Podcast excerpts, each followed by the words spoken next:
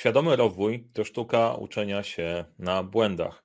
Są takie momenty w życiu, gdy popełniasz błąd i zastanawiasz się, czy ty w ogóle się nadajesz do tej roboty. Żeby poprawić Wam humor, dzisiaj będzie odcinek o 10 błędach, które kierownik projektu popełnia co najmniej raz w swojej ścieżce kariery. Serdecznie zapraszam.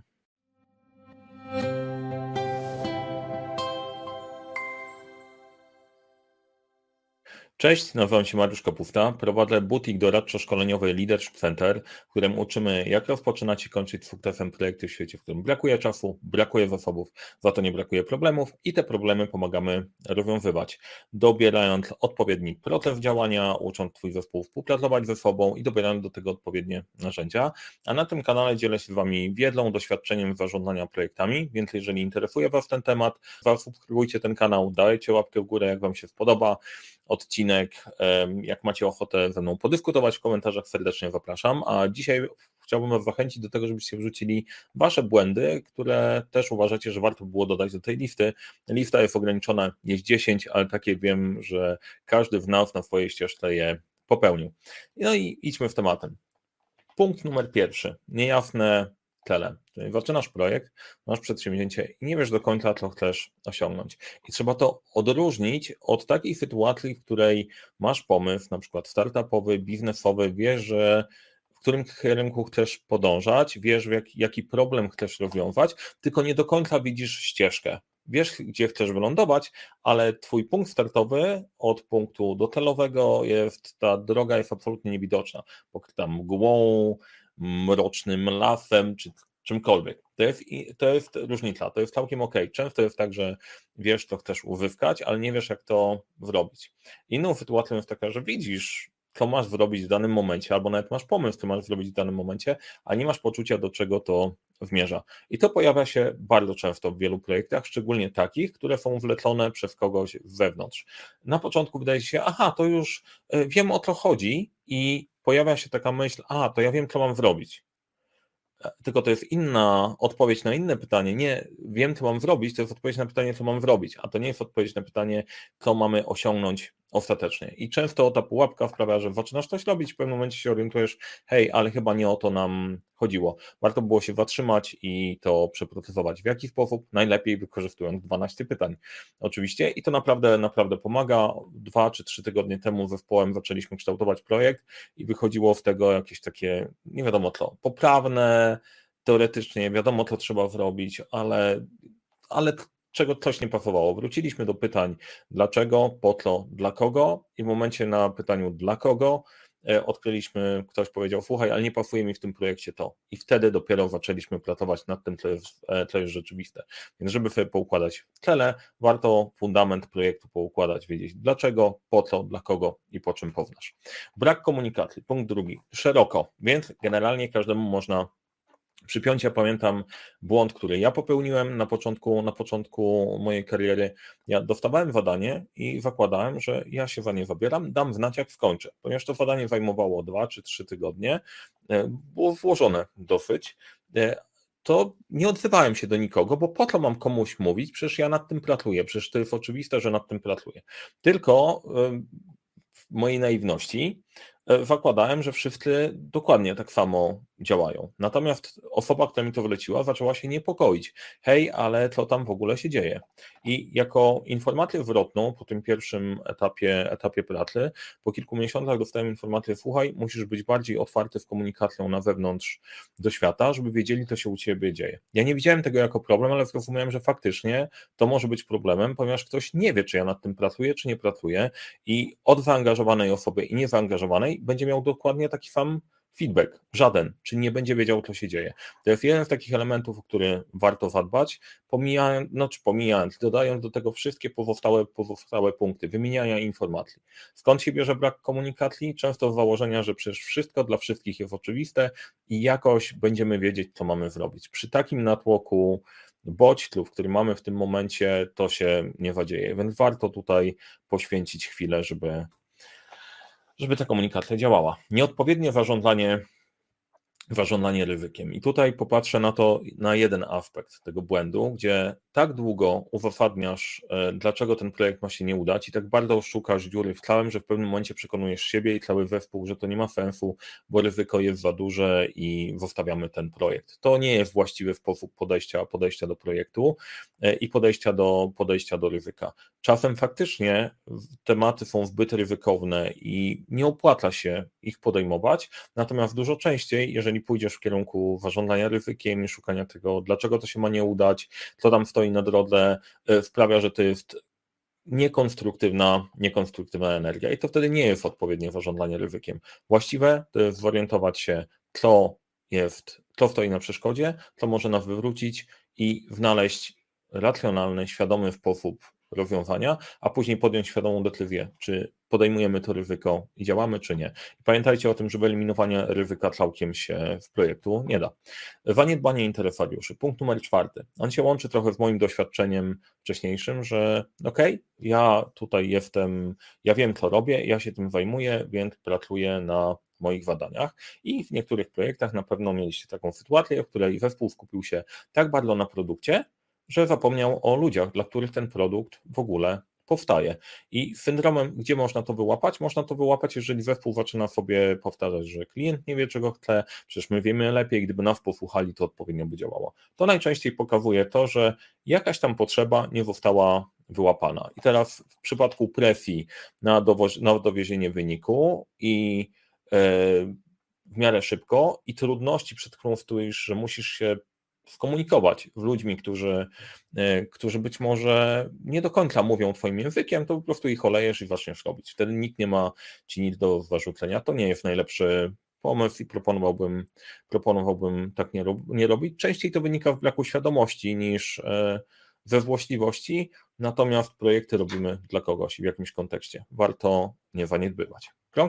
Punkt piąty, brak elastyczności, wiąże się trochę z punktem czwartym, czyli zadbaniem na, nad interesariuszami. I tutaj mamy sytuację, w której ktoś się usztywnia, mówi nie, nie ma żadnej możliwości, proponujesz jakieś rozwiązanie, słuchaj, tego nie możemy zrobić, kosztuje za dużo, w ramach naszych ograniczeń nie jesteśmy w stanie dokończyć tego projektu w określonym czasie, w określonej jakości, musimy znaleźć jakieś rozwiązanie. I słyszysz, nie da się, nie da się, nie da się, nie da się to to spowoduje? To spowoduje, że i tak znajdziesz jakieś obejście, tylko w taki sposób, żeby nie było widoczne dla osoby, która, e, która wstawia ci te, e, ci te ograniczenia i na koniec nikt nie będzie zadowolony, ani ty w jakości swojej pracy, ani osoba, która, e, która ten projekt, projekt zamówiła. I teraz jak rozwiązać ten brak elastyczności? Proces zarządzania zmianą. To jeden element, ale żeby działał proces zarządzania zmianą, do tego trzeba dodać jakiś poziom zaufania i rozmowy w trakcie i zrozumienia, skąd się bierze, e, skąd się bierze to usztywnienie. Najczęściej bierze się e, niekoniecznie z merytorycznych, z merytorycznych e, powodów. Może być tak, że projekt został już tak zaniedbany i relacja z interesariuszem tak została zaniedbana, że człowiek nie chce w ogóle słuchać od ciebie niczego chce tylko po prostu mieć dokończony temat i uważa, że mu ściemniasz. No to znaczy, że problem zadział się trochę wcześniej. Część ludzi nie rozumie produktu, w którym się porusza i boi się, że podpisuje na siebie wyrok trochę, e, decydując się na jakieś, na jakieś zmiany. E, no i wreszcie może to wynikać z doświadczeń, że część projektów była wymieniana tak długo i tak bez sensu, że to już w ogóle do niczego do niczego nie prowadzi. E, z tą elastycznością ja stoję bardziej po stronie świadomego podejścia do zarządzania, zarządzania zmianą. Usztywnienie się za bardzo nie jest najlepszym pomysłem. Numer 6. Złe zarządzanie zasobami i tutaj to jest włożony temat, natomiast powiem Wam o błędzie, który nie jest taki bardzo typowy, ale też jest skomplikowany, gdzie masz za dużo osób do zrobienia danego zadania. Nie za mało tylko za dużo. Co się dzieje, jeżeli masz za dużo osób do wykonania danego zadania? Ludzie, którzy zaczynają czuć, że nie mają, nie robią wystarczająco dużo sensownej roboty, zaczną sobie robotę wymyślać. Nie zawsze ta robota będzie sensowna. I razem z wymyślaniem tej roboty w zespole okaże się, że zespół ma więcej roboty z tą niepotrzebną robotą, monitorowaniem tej pracy i próbowaniem odfiltrowania, a czym my w ogóle powinniśmy się zająć. I paradoksalnie w takich zespołach, które są za duże, ginie ten sens na czym się w ogóle powinniśmy skupić, co jest najważniejsze. E, musimy wybierać priorytety, bo nie wszystko zrobimy. Jak nagle mamy ludzi, którzy mogą wszystko robić, okazuje się, że na początku jest fajnie, bo dużo robimy, ale z czasem odbiegamy od tej efentli, bo nie ma jej wystarczająco dużo, żeby każdy mógł się czymś sensownym zająć. Ciekawa sytuacja. E, numer siódmy, nieodpowiednie narzędzia. E, ja o tym mówię non-stop. Excel jest świetnym narzędziem, ale nie zawsze do wszystkiego. Czasem może się okazać, że e, pracujesz na, na narzędziu, które już dawno mogłoby przestać istnieć. Jest dużo innych dostępnych na rynku, ale nawet nie masz szansy się nad tym pochylić, bo jest ich za dużo, nie ma czasu i nie wiadomo jak to dobrać. I przykład nieodpowiedniego wykorzystania narzędzia, ja powiem Wam o, odpowiednich wykorzystaniach narzędzi. Kiedyś zarządzałem projektem korzystając z Worda. Jedna strona w Wordzie, ale do tego oczywiście była, był współdzielony Excel dla całego zespołu, ale dla mnie do kontroli tego, jak my postępujemy w projektem i notowania, notowania wyników na poszczególnych sprintach, na poszczególnych iteracjach projektu, Word zadziałał całkiem całkiem nieźle, więc tu akurat to narzędzie było dobrane. Czy widziałem kiedyś narzędzie źle dobrane? O, widziałem, widziałem je nieraz pod kątem złego wykorzystania, gdzie proste e, narzędzie kanbanowe E, dla każdego projektu powstawała osobna tablica, na której było jedno zadanie. I okazało się, że zamiast mieć wszystkie te zadania dla wszystkich projektów w jednej tablicy, to spokojnie można by było tym zarządzić. Okazało się, że tych, że tych tablic było kilkanaście. Więc tutaj dorzuciłbym nieodpowiednie wykorzystanie właściwego narzędzia jako taki błąd, który zdarza się dosyć często. Zbyt optymistyczne szacunki. Każdy, każdy na to trafił. Ja pamiętam sytuację, w której mieliśmy zrobić projekt dla takiej aplikacji mobilnej, chcieliśmy podmienić tylko ekran startowy. Wydawało się, że to jest tak totalnie proste, jeden dzień pracy mamy to zrobione. Po tygodniu zarzuciliśmy projekt, bo okazało się, że jednak tak aplikacja jest wbudowana, że wywróciłoby praktycznie, praktycznie wszystko. I to zbyt optymistyczne szacowanie y, pojawia się na tyle często, że z tego można wyciągnąć pewną statystykę. Jeżeli myślisz o projekcie, możesz spokojnie pomnożyć swoje szacunki razy 1,3 optymistycznie, razy 1,8 bardziej realistycznie i to ci pokaże realny czas, e, realny czas ukończenia, ukończenia projektu i pewnie pod kątem kosztów także. E, dla, skąd się bierze ten optymizm? No przecież twój projekt zależy od ciebie, a ty jesteś świetny, więc jak może się okazać, że będzie trwało dłużej niż zakładałeś? Zaniedbywanie jakości. To jest taki punkt, który zdarzył się pewnie każdemu, jeżeli chodzi o chodzenie na skróty. Że okej, zrobię to inaczej, w tym momencie załatam, a później będzie, później będzie ok.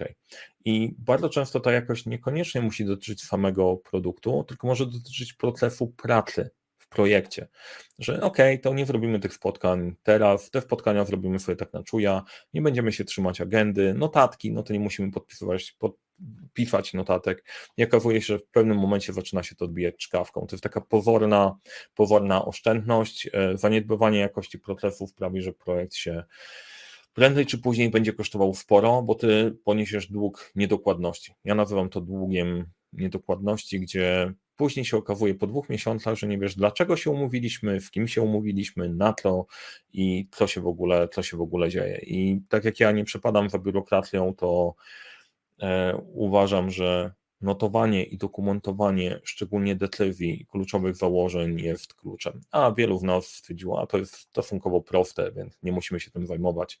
E, damy sobie radę, przecież jesteśmy świetni. I punkt numer dziesiąty, nie uczenie się na błędach. Wchodzenie w projekt dokładnie w ten sam sposób, jak zrobiliście to wcześniej. Wydaje się to takie oczywiste, że no nie, no to pewnie jak już na trudnych błędach się nie nauczyłem, to na swoich się nauczę na pewno. No niech pierwszy rzuci myszką ten, kto nigdy takiego błędu nie popełnił. Wchodzisz w kolejny projekt, jedziesz w automatu dokładnie na autopilocie. Dlaczego tak się dzieje? Bo nie nie przepracowałeś, nie przepracowałaś dla siebie tego, mm, tego tematu e, i nie, nie wszedłem do świadomości, że okej, okay, dobra, ciekawe, popełniłem ten błąd, ale prześlizgnięcie się przez tą obserwację po prostu i działanie dalej sprawia, że autopilot nadal jest zaprogramowany na podobne podejście.